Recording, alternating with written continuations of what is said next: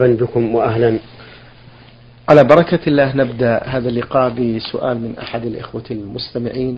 يقول فضيلة الشيخ أرجو الإجابة على هذا السؤال. ما هي المنافع التي يشهدها الناس في الحج؟ الحمد لله رب العالمين. وأصلي وأسلم على نبينا محمد وعلى آله وأصحابه ومن تبعهم بإحسان إلى يوم الدين. المنافع التي يشهدها المسلمون في الحج منافع كثيرة. منافع دينية ومنافع اجتماعية ومنافع دنيوية. أما المنافع الدينية فهي ما يقوم به الحجاج من أداء المناسك وما يحصل من التعليم والتوجيه من العلماء من هنا ومن هناك. وما يحصل كذلك من الإنفاق في الحج فإنه من الإنفاق في سبيل الله عز وجل. وأما المنافع الاجتماعية فهي ما يحصل من تعارف الناس بينهم وائتلاف قلوبهم واكتساب بعضهم من أخلاق بعض وحسن المعاملة وحسن المعاملة والتربية بعضهم من بعض كما هو مشاهد لكل لبيب تأمل ذلك. وأما الفوائد الدنيوية فما يحصل من المكاسب لأصحاب السيارات وغيرها مما يستأجر لأداء الحج وكذلك ما يحصل للحجاج من التجارة التي يوردونها معهم ويستوردونها من مكة وغير هذا من المنافع العظيمة. ولهذا قال الله تعالى ليشهدوا منافع لهم. فأتى فيها بصيغة الجمع بل بالجمع الذي هو صيغة منتهى الجموع ولكن مع الأسف الشديد أن الحج في هذه الأزمنة عند كثير من الناس لا يستفاد منه هذه الفوائد العظيمة. بل كأن الحج أفعال وأقوال جرداء ليس فيها إلا مجرد الصور فقط. ولهذا لا تكسب القلب خشوعا ولا تكسب إلفة بين المؤمنين ولا تعلما لأمور دينهم. بل ربما يكره بعضهم أن يسمع كلمة وعظ من ناصح لهم. بل ربما يكون مع بعضهم سوء نية في دعوة الناس إلى الباطل إما بالمقال وإما بالفعال بتوزيع النشرات المضلة الفاسدة. وهذا لا شك أنه مما يحزن ومما يجعل هذا الحج خارجا عن النطاق الشرعي الذي شرع من أجله. أنصح إخواني الحجاج بما يلي. أولا إخلاص النية لله تعالى في الحج بأن لا يقصدوا من حجهم إلا الوصول إلى ثواب الله تعالى ودار كرامته. ثانيا الحرص التام على اتباع النبي صلى الله عليه وعلى آله وسلم في حجه. فإنه صلى الله عليه وعلى آله وسلم كان يقول لتأخذوا عني مناسككم. ثالثا الحرص التام على التآلف والتقارب بين المسلمين وتعريف بعضهم بعضا بما ينبغي أن يعرفوه من مشاكل دينية واجتماعية وغيرها. رابعا الرفق بالحجاج عند المشاعر عند الطواف وعند السعي وعند رمي الجمرات وعند الدفع من ومن عرفة وغير ذلك.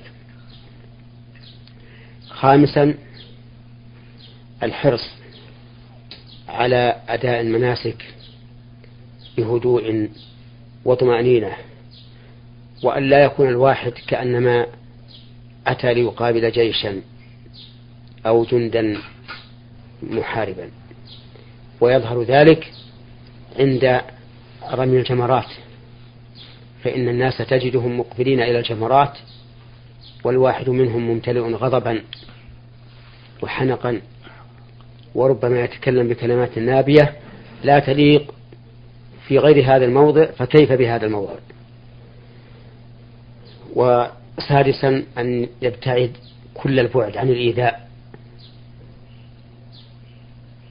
الإيذاء الحسي والمعنوي. بمعنى أنه يجتنب إلقاء القاذورات في الطرقات وإلقاء القمامة في الطرقات وغير ذلك. الإيذاء المعنوي أن يتجنب شرب الدخان مثلا بين أناس يكرهون ذلك. مع أن شرب الدخان محرم في حال الإحرام وغير حال الإحرام. وإذا وقع في الإحرام أنقص الإحرام وأنقص أجر الحج والعمرة. لأن الله تعالى يقول فمن فرض فيهن الحج فلا رفث ولا فسوق ولا جدال في الحج.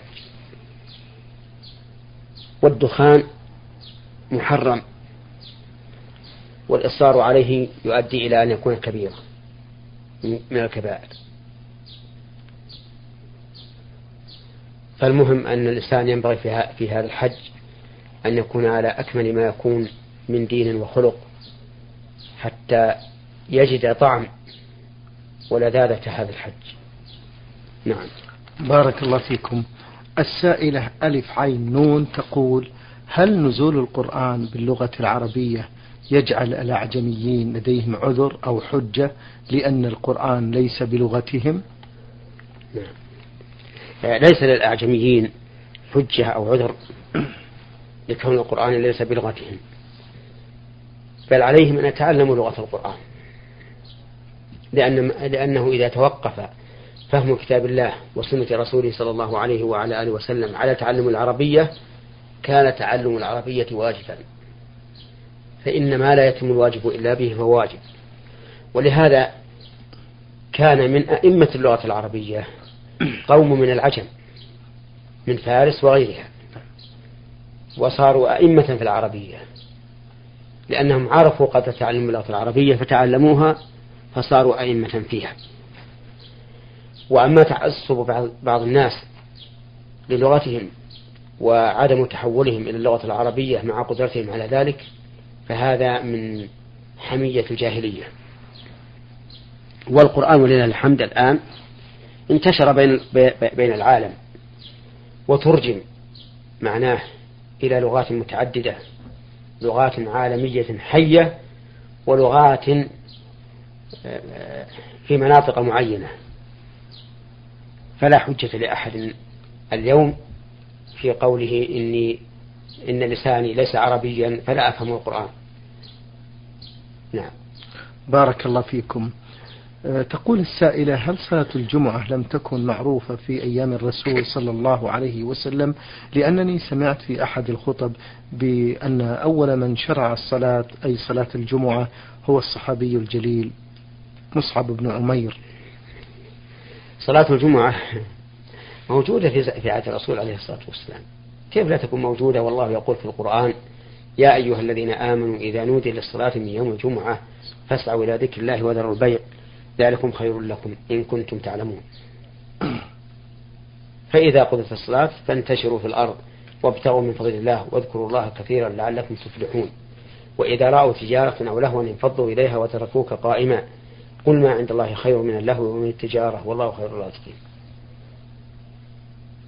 كيف لا تكون موجودة في عهد الرسول عليه الصلاة والسلام وقد تواتر نقل فعل الرسول فعل الرسول صلى الله عليه وسلم لها؟ وهذا أمر لا يشك فيه أحد. صحيح أن مصعب بن عمير رضي الله عنه هو أول من جمع في المدينة لأن الرسول صلى الله عليه وسلم كان في مكة.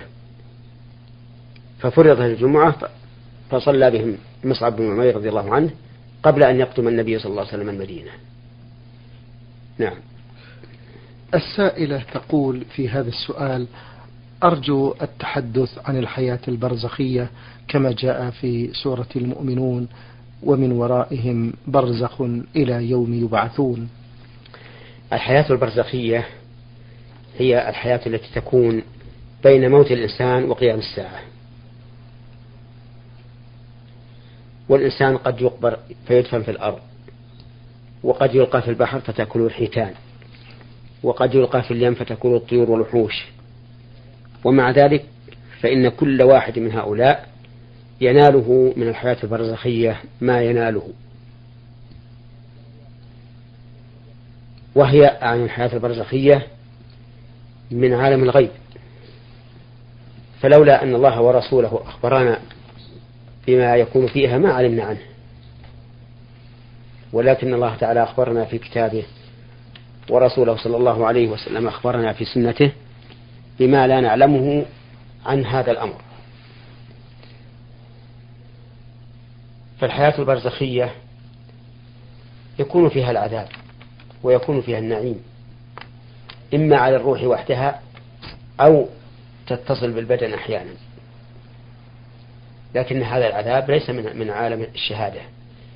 ولهذا يعذب الإنسان في قبره ويضيق عليه القبر حتى تختلف أضلاعه. أو يفتح له في القبر وينعم فيه ويفتح له باب إلى الجنة يأتيه من روحها ونعيمها. ولو أننا كشفنا القبر لوجدنا الميت كما دفناه بالأمس.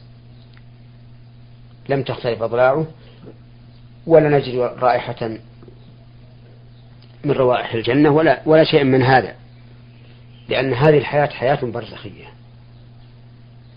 غير معلومة لنا. وليست من عالم الشهادة. وأضرب مثلا يقرب ذلك بأن الإنسان النائم نائم عندك. نعم. وهو يرى في منامه أنه يذهب ويجيء ويبيع ويشتري ويصلي ويزور قريب قريبا له ويعود مريضا وهو في منامه. مضطجع عندك ما كأنه رأى شيء من ذلك. ومع ذلك هو يراه.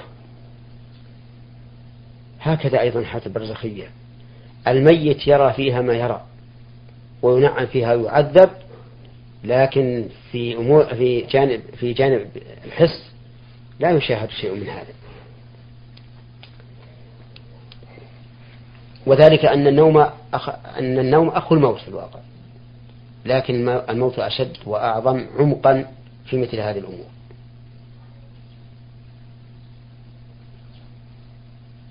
والنفس لها تعلق بالبدن على وجوه أربعة. الأول تعلقها بالبدن في حال الحمل. والثاني تعلقها في حال الحياة الدنيا. وتعلقها في حال الحياة الدنيا يكون في حال اليقظة وفي حال النوم ويختلف هذا عن هذا. والثالث تعلقها بالبدن في البرزخ. والرابع تعلقها بالبدن بعد البعث. وهذا الأخير هو أكمل التعلقات. ولهذا لا تفارقه لا تفارقه أي لا, أي لا تفارق الروح البدن لا بنوم ولا بموت. إذ لا موت بعد البعث ولا نوم وإنما هي حياة دائمة حياة يقظة. لكن إما في نعيم دائم أسأل الله أن يجعلني والمسلمين من هؤلاء وإما في جحيم دائم والعياذ بالله لا يفتر عنهم العذاب ولا هم ينظرون والعياذ بالله وهم فيه مبلسون. وأما أهل النعيم فهم في نعيم دائم. فهذه أنواع تعلق الروح بالبدن ولو كل منها خاصية ليست في الآخر. نعم. بارك الله فيكم. على هذا التوجيه المبارك. السائل عين ميم دال مقيم المملكة يقول استعجال المصلين للخروج من المسجد بعد الصلاة والمرور من وسط المصلين في الصفوف المتأخرة ما حكم ذلك؟ إذا انتهت الصلاة نعم. فلا مقام لأحد. من شاء فليقم. وليذكر الله عز وجل وهو يمشي ولا حرج. لقول الله تعالى فإذا قضيتم الصلاة فاذكروا الله قياما وقعودا وعلى جنوبكم أي على أي حال كنتم. وهؤلاء الذين يقومون لينصرفوا هم سراعان الناس. وقد, هذا وقد كان هذا موجودا في عهد النبي صلى الله عليه وعلى آله وسلم كما في حديث أبي هريرة في قصة سهو الرسول صلى الله عليه وعلى آله وسلم حين سلم من ركعتين. قال فيه وخرج سرعان الناس من المسجد. ومثل هذا لا بأس به. والأذية التي تحصل من تخطي الرقاب ليست مقصودة. ولأهل الصفوف المؤخرة مندوحة عنها بأن يقوموا. لكن لا شك أنه من اللباقة وحسن الخلق أنك إذا قمت مبكرا والناس على صفوفهم يسبحون الله ألا ألا تؤذيهم. بل يكون بل يكون مرورك بهدوء واستئذان والأولى أن تبقى في مكانك أيضا تسبح الله ما لم يكن هناك حاجة كاحتقان البول أو غيره فأنت معذور. نعم. بارك الله فيكم. السائل آه، عين ميم دال ومقيم بالمملكة يقول نرجو من فضيلة الشيخ إلقاء الضوء على العبر والمواعظ من الإسراء والمعراج والمشاهد التي رآها التي رآها الرسول صلى الله عليه وسلم التي تؤثر في القلوب الغافلة. آه، أحيل السائل إلى ما كتبه أهل العلم في ذلك. لأن حديث المعراج حديث طويل يحتاج إلى مجالس. طيب. ولكن ليرجع إلى ما كتبه ابن كثير رحمه الله في البداية والنهاية في قصة المعراج وما كتبه العلماء شطاح الحديث. على ذلك كفتح الباري وصحيح وشرح النووي على صحيح مسلم وغيرها من الكتب. إنما نشير إشارة موجزة نعم. لقصة المعراج.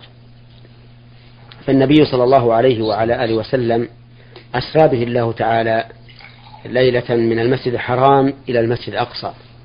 وكان نائما في الحجر فأسري به من هناك. والحجر هو الجزء المقتطع من الكعبة والمقوس عليه بجدار معروف. أسري به من هناك عليه الصلاة والسلام إلى بيت المقدس. وجمع له الأنبياء وصلى بهم إماما. ثم عرج به جبريل إلى السماء الدنيا فاستفتح ففتح له. ثم الثانية ثم الثالثة ثم الرابعة ثم الخامسة ثم السادسة ثم السابعة. وجد في الأولى آدم ووجد في السابعة إبراهيم عليه الصلاة والسلام.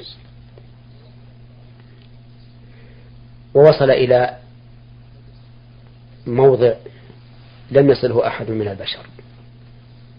وصل إلى موضع سمع فيه صريف الأقلام التي يكتب بها القدر. اليومي إلى ستة المنتهى. ورأى من آيات الله سبحانه وتعالى ما ما لو رآه أحد سواه لزاغ بصره ولخبل عقله. لكن الله سبحانه وتعالى ثبت هذا النبي الكريم عليه الصلاة والسلام حتى رأى من آيات ربه الكبرى. وفرض الله عليه الصلوات خمسين صلاة في كل يوم وليلة وقيض الله موسى عليه الصلاة والسلام حين مر به رسول الله صلى الله عليه وسلم أن يسأل النبي صلى الله عليه وعلى آله وسلم ماذا فرض الله عليه وعلى أمته. فأخبره بأن الله فرض عليه خمسين صلاة في كل يوم وليلة فقال له إن أمتك لا تطيق ذلك. ارجع إلى ربك فاسأله التخفيف. فما زال نبينا صلوات الله وسلامه عليه يراجع الله حتى استقرت الفريضة خمس صلوات في كل يوم وليلة بدل خمسين صلاة. لكنها بنعمة الله وفضله كانت خمس صلوات بالفعل وخمسين في الميزان. أي كأننا إذا أي إذا صلينا خمس صلوات فكأننا صلينا خمسين صلاة. والحمد لله رب العالمين. وفي قصة فرض الصلوات في هذه الليلة التي هي أعظم ليلة في حق الرسول عليه الصلاة والسلام وأنها, خم وأنها خمسون صلاة وأنها فرضت من الله إلى رسوله بدون واسطة في هذا دليل على عناية الله تعالى بهذه الصلوات ومحبته لها وأنها أعظم الأعمال البدنية في الإسلام. ولهذا كان تاركها يكون كافرا مرتدا خارجا عن الإسلام. وقد اختلف الناس في, في ليلة المعراج والإسراء هل هما في ليلة واحدة أو في ليلتين وهل كان الإسراء في روحه أو بدنه وروحه والصواب أنهما في ليلة واحدة وأنه أسري بالرسول صلى الله عليه وسلم بروحه وبدنه. ثم انقسم الناس في ليلة في في ليلة المعراج في أي ليلة هي وفي أي شهر هي. وأقرب الأقوال إلى أنها كانت قبل الهجرة بثلاث سنوات وأنها كانت في ربيع الأول وليست في رجب. ثم ابتدع الناس في هذه الليلة بدعا لم تكن معروفة عند السلف فصاروا يقيمون ليلة 27 من رجب احتفالا بهذه المناسبة.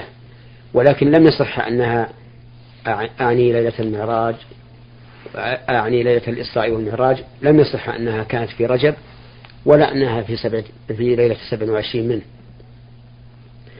فهذه البدعة صارت خطأ على خطأ. خطأ من الناحية التاريخية لأنها لم تصح أنها في 27 رجب. وخطأ من الناحية الدينية لأنها بدعة. فإن الرسول صلى الله عليه وعلى آله وسلم لم يحتفل بها. ولا الخلفاء الراشدون ولا الصحابة ولا أئمة المسلمين من بعدهم. نعم. بارك الله فيكم فضيلة الشيخ. السائل يقول أثناء تأديتي للعمرة أديت السعي بالزيادة لأنني كنت أظن أن السعي من الصفا إلى الصفا واحدة. يقول لأنني كنت أظن بأن السعي من الصفا إلى الصفا مرة واحدة وليس مرتين فأرجو منكم الإفادة حول هذا. الإفادة حول هذا أن سبعة من هذه الأشواط هي الصحيحة الموافقة للشرع والسبعة الباقية فعلتها عن اجتهاد ونرجو الله تعالى أن تثاب عليها لكنها ليست مشروعة. فالسعي من الصفا إلى المروة الشوط والرجوع من المروة إلى الصفا شوط آخر وعلى هذا فيكون ابتداؤك من من الصفا وانتهاؤك بالمروة. نعم. في فقرته الثانية يقول أثناء تأديتي لفريضة الحج وبعد الرجوع من منى أديت طواف الإفاضة والوداع سويا كنت نويت ذلك هل هذا صحيح؟ يعني أنه أخر أقول إن كان أخر طواف الإفاضة نعم. إلى وقت السفر فإن طواف الإفاضة يجزي عن طواف الوداع أما إذا كان قدم طواف الوداع بمعنى أنه طاف للإفاضة يوم العيد أو يوم الثاني أو الثالث قبل أن ينهي الحج فإن هذا الطواف للوداع لا يجزئه لكن يطوف للوداع إذا أراد أن يخرج. طيب. نعم. البائع الذي يحلف للزبون بكلمة صدقني هذا آخر شيء. مثلا هل هذا صحيح؟ صحيح. يقول حتى لا يجعل الله عرضة لكثرة الأيمان في التجارة. إذا قال صدقني فهذا ليس يمينا. نعم. لكنه طلب من المشتري أو من السائم أن يصدقه. أما لو قال والله لقد اشتريتها بكذا أو والله لقد سيمت كذا وهو كاذب فهذا هو الذي اشترى بعهد الله ويمينه ثمنا قليلا. والمنفق سلعته بالحدث الكاذب من الثلاثة الذين لا ينظر إليهم يوم القيامة ولا يزكيهم ولهم عذاب أليم كما رواه مسلم عن أبي ذر رضي الله عنه أن النبي صلى الله عليه وعلى آله وسلم قال ثلاثة لا يكلمهم الله يوم القيامة ولا ينظر إليهم ولا يزكيهم ولهم عذاب أليم. قال أبو ذر من هم يا رسول الله؟ خابوا وخسروا. قال المسبل والمنان والمنفق سلعته بالحلف الكاذب. ومع هذا إذا قلنا إن قوله صدقني ليست يمينا فلا يحل له أن يخبر المشتري بخبر كذب سواء أخبره بصفة في السلعة وهو كاذب أو أخبره بأنه اشتراها بكذا وهو كاذب أو أخبره بأنها سيمة كذا وهو كاذب. وقد ثبت عن النبي صلى الله عليه وعلى آله وسلم أنه قال البيعان بالخيار فإن صدقا وبينا بورك لهما في بيعهما. وإن كذبا وكتما محقت بركة بيعهما. نعم. بارك الله فيكم. السائل آه علي بن كمال مصري ومقيم بالطائف يقول الرجاء من فضيلة الشيخ توضيح الحكم الراجح فيما يلي نقض الوضوء من لمس المرأة بدون حائل. الراجح أن مس المرأة لا ينقض الوضوء